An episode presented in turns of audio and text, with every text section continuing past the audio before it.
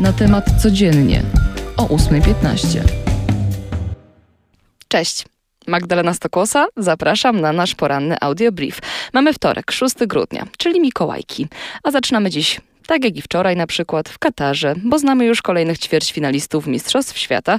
E, wczoraj do tego grona dołączyły Brazylia i Chorwacja. Dziś o ostatnie wolne miejsca powalczą Maroko z Hiszpanią i Portugalia ze Szwajcarią. Maroko zaskoczyło bardzo na tym turnieju i podobnie jak my, na ten etap rozgrywek czekało aż 36 lat. I podobnie jak w naszym spotkaniu, nie oni są faworytem, tylko Hiszpania. Faworytem w drugim spotkaniu jest z kolei reprezentacja Portugalii, no ale znamy siłę Helwetów, wszak to oni w zeszłym roku odesłali do domu Francuzów na Euro spotkania o 16 i o 20, a do Polski wrócili już nasi piłkarze. Samolot z biało-czerwonymi wylądował jednak na lotnisku wojskowym Warszawa-Okęcie, dlatego tym razem tłumy kibiców nie mogły spotkać się z piłkarzami po przylocie.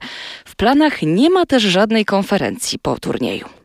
A co z polityki? Dziś oficjalnie na Pomorzu odebrana zostanie pierwsza partia południowo-koreańskich czołgów K2 i armato haubic K9 dla Polski. Wydarzenie o tyle uroczyste, że weźmie w nim udział prezydent Andrzej Duda i minister obrony narodowej Mariusz Błaszczak. Ja przypomnę, że w lipcu podpisano umowę na dostarczenie tysiąca takich czołgów, niespełna 700 haubic samobieżnych. Mają one być częściowo produkowane w polskich zakładach zbrojeniowych, no ale dopiero kolejne partie. Dziś też spotkania na szczycie w Bratysławie zbiorą się ministrowie spraw zagranicznych Grupy Wyszehradzkiej. Polskę będzie reprezentował szef naszej dyplomacji Zbigniew Rau. Będzie oczywiście o wojnie toczącej się w Ukrainie, o współpracy z NATO, o współpracy państw w ramach grupy, ale też o aneksji Szwecji i Finlandii do Sojuszu Północnoatlantyckiego.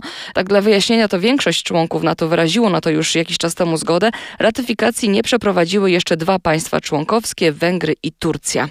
Dziś również spotkają się ministrowie finansów Unii Europejskiej. Będą rozmawiać o kluczowej sprawie dla naszego budżetu, bo o składce przyszłorocznego budżetu Unii, a zgodnie z projektem Polska powinna dołożyć do niego 1,5 miliarda złotych. Przenosimy się do Stanów Zjednoczonych. Dziś Georgia decyduje, czy demokrata, czy republikanin wejdzie do Senatu.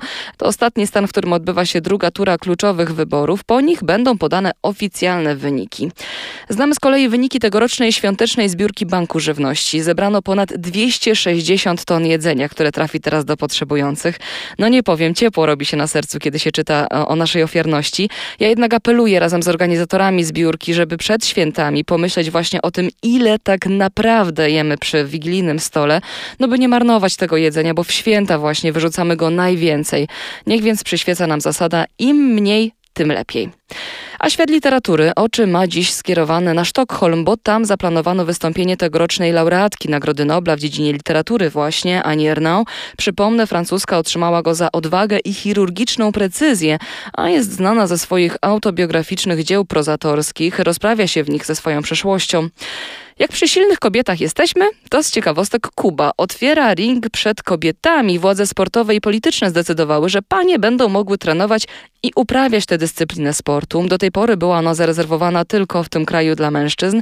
Niewykluczone, że debiut Kubanek na arenie międzynarodowej nastąpi już w maju w Uzbekistanie podczas Mistrzostw Świata. Sportem zaczęłam, to i na sporcie dzisiaj zakończymy. Magdalena Stokłosa, dzięki i do usłyszenia. Cześć!